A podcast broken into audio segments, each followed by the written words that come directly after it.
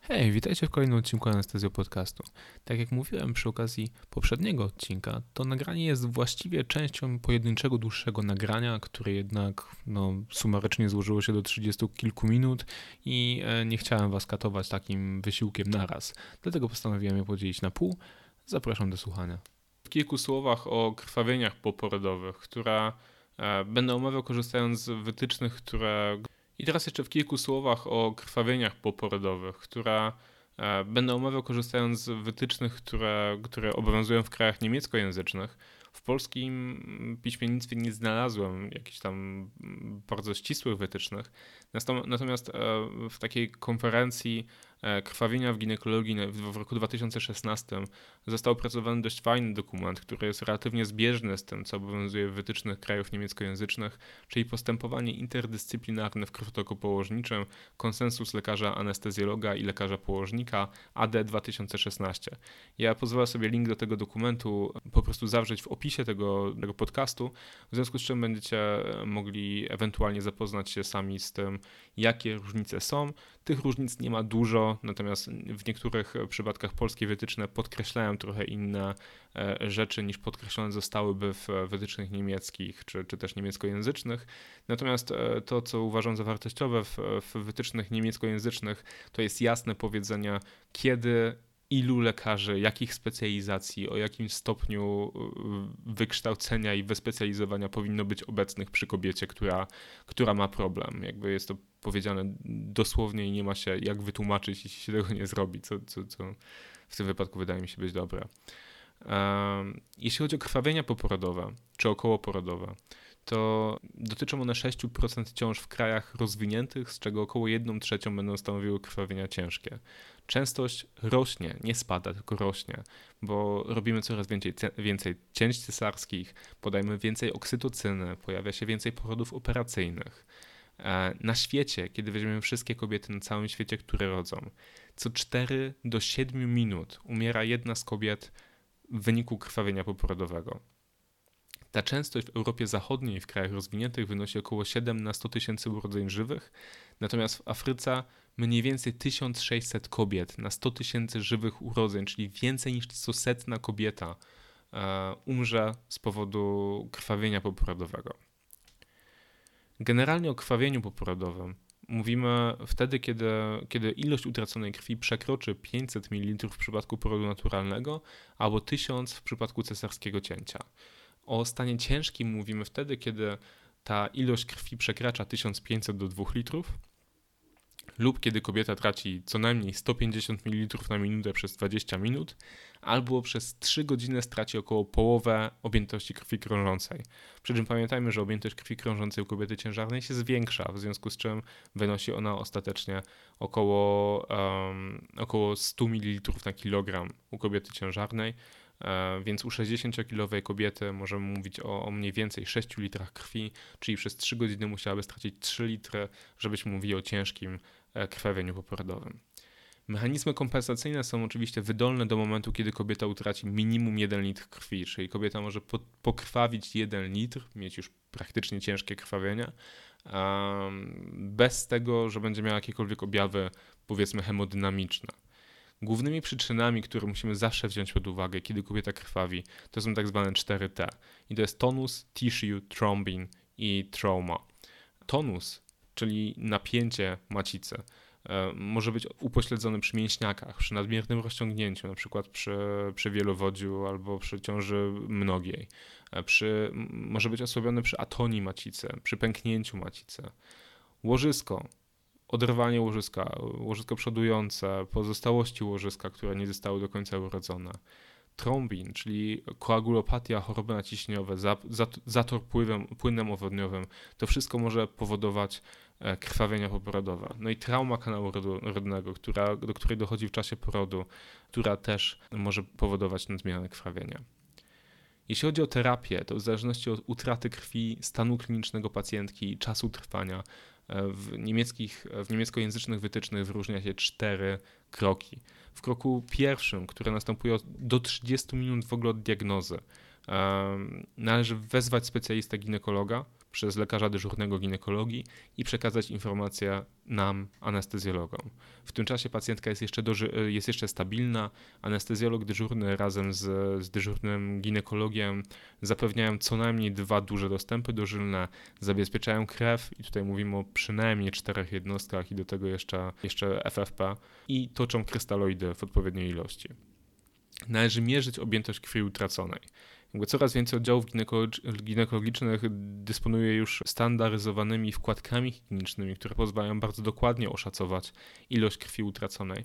Natomiast najważniejszą wskazówką, którą tutaj możemy przyjąć, jest to, że zawsze, niezależnie od tego, kto ocenia, ile krwi zostało utracone, niezależnie od tego, jakie ma narzędzie do tego, ilość krwi utraconej przez kobietę na ostro będzie zaniżona. E, nasze wskazania, takie na oko, normalnie różnią się, czy zaniżają ilość utraconej krwi od 30 do 50%. To jest bardzo dużo w sytuacji, w której życie jest zagrożone. Dlatego oprócz tego, co szacujemy, musimy zwracać baczną uwagę na to, w jakim stanie klinicznym jest ta pacjentka. W tym pierwszym kroku wyjaśniamy przyczyn 4T. Możemy zrobić jakieś tam, w sensie ginekolodzy właściwie mogą zrobić USG, mogą zrobić, e, mm, mogą zrobić łyżeczkowanie, mogą mm, jakby zajrzeć tam, czy, czy, czy sprawdzić ręcznie, jakie jest napięcie macicy. Tutaj w tym, w tym kroku też należy wdrożyć warm management. Należy zacząć ogrzewać kobietę, która e, będzie potrzebowała odpowiedniej temperatury ciała, aby zapewnić odpowiednie krzepnięcie krwi. I tutaj zaczynamy też podawać leki. Oczywiście wiedząc o tym, jakie one mogą wywołać działania niepożądane, o czym też mówiliśmy w jednym z poprzednich odcinków. Oksytocyna. Podajemy na początku trzy jednostki jako szybki wlew, a następnie w pompie 40, 40 jednostek w 30 minut. Nie podajemy oksytocyny na przykład 20 jednostek w szybkim bolusie czy szybkim wlewie, ponieważ e, ryzyko tachykardii, hipotonii, zaburzeń rytmu serca, ale też niedokrwienia mięśnia sercowego, które może prowadzić do zawału serca, jest wysokie. Oprócz tego standardowymi takimi powikłaniami po, po, po terapii oksytocyną są nudności, wymioty i tak zwany flash, czyli zaczerwienienie twarzy. Należy też uważać na, na przeciwwskazania. Kardiomiopatia, e, stenoza aortalna i hipowolemia. Pamiętajcie o tym, że hipowolemia jest względnym przeciwwskazaniem do stosowania oksytocyny, a kobieta, która krwawi generalnie jest w więc zadbajmy o to, żeby podać jej odpowiednią ilość płynów z, przed albo no, co najmniej w trakcie podawania oksytocyny, żeby te ewentualne działania kurczące naczynia nie, nie były działaniami, które będą ostatnimi w jej życiu. Karbetocyna to jest długo działający syntetyczny analog oksytocyny, który jest stosowany m.in. w Austrii, ale w Polsce też y, znajduje się w niektórych szpitalach.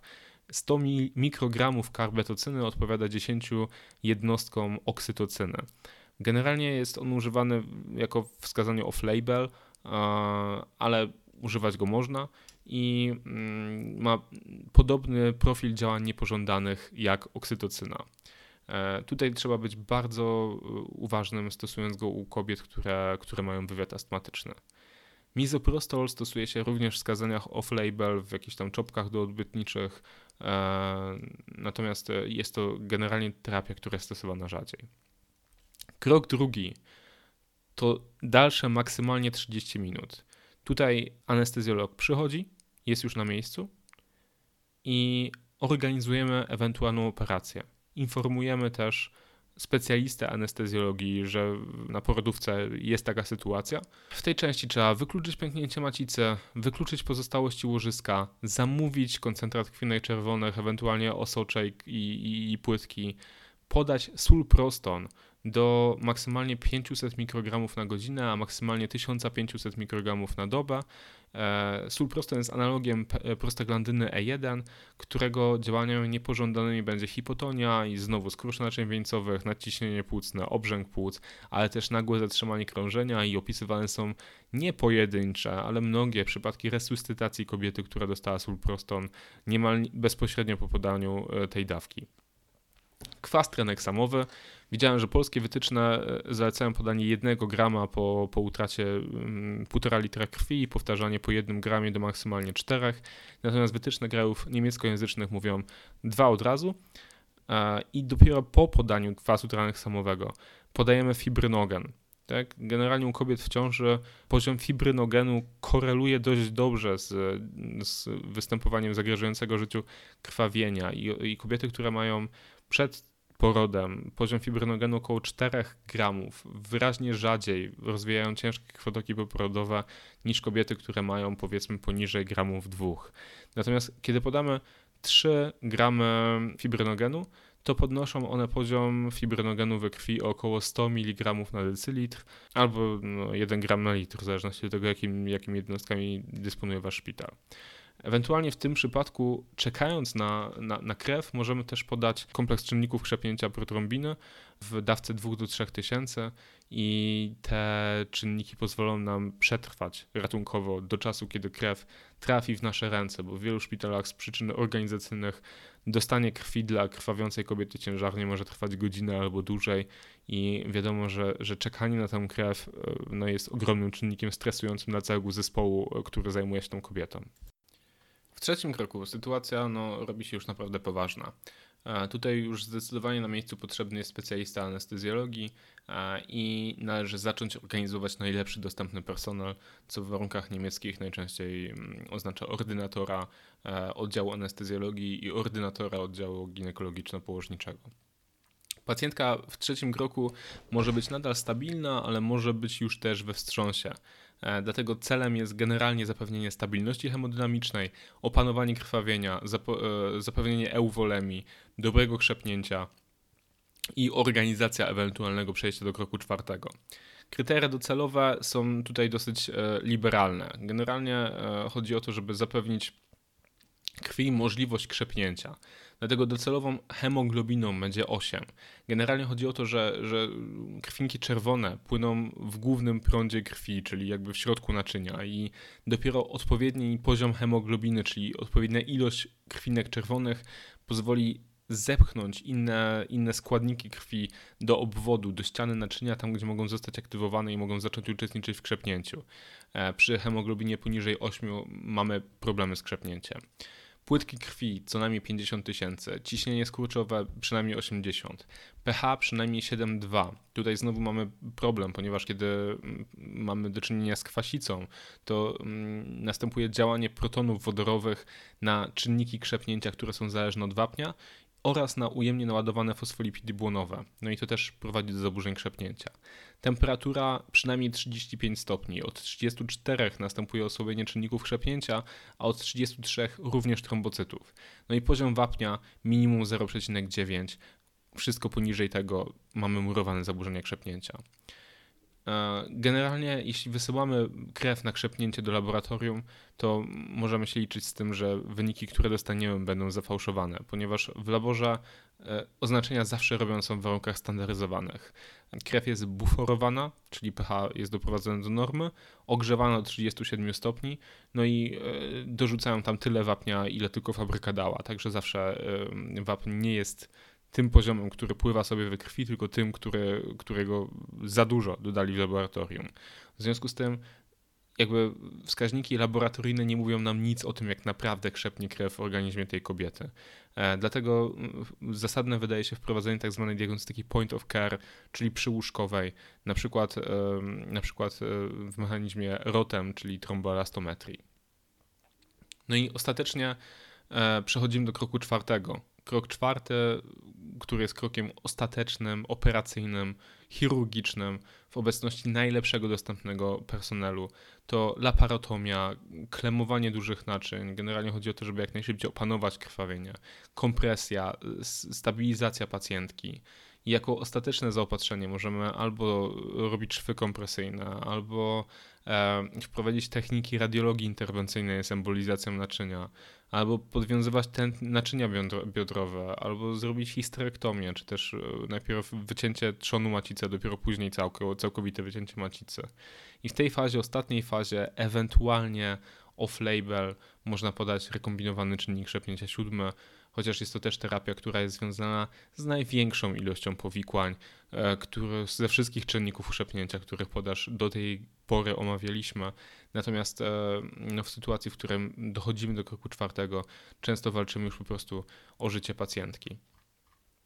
Jakby najważniejsze jest to w tym całym postępowaniu, żeby nie przeszacowywać swoich własnych zdolności, żeby zawsze y, ściągnąć do pomocy taki personel, który, który będzie w stanie pomóc tej kobiecie, żeby pamiętać o tym, że, że każde opóźnienie terapii, każde opóźnienie diagnostyki e, to, to, to, to większa szansa na to, że ta kobieta nie przeżyje, że y, y, konieczna jest stabilizacja i że krzepnięcie jest procesem, który wymaga bardzo konkretnych warunków, bardzo różnych układów, bardzo różnych czynników i, i to do nas należy to, żeby tej kobiecie warunki do krzepnięcia zapewnić, bo to, to właśnie jest ta różnica, która sprawia, że mimo wszystko w, kraju, w krajach zachodnich zasadniczo mniej kobiet umiera niż, niż umiera w krajach, w których medycyna jest mniej rozwinięta.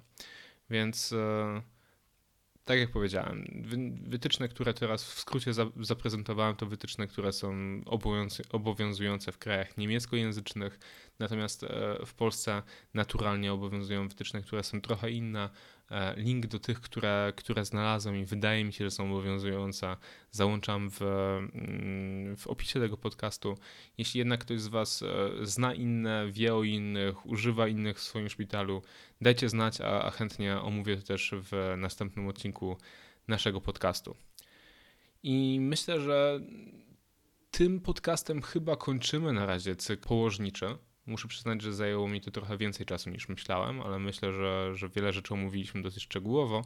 Mam nadzieję, że, że Wam się podobało i e, zapraszam Was już teraz na kolejne odcinki, które mam nadzieję, że pojawią się niebawem. Tymczasem do usłyszenia.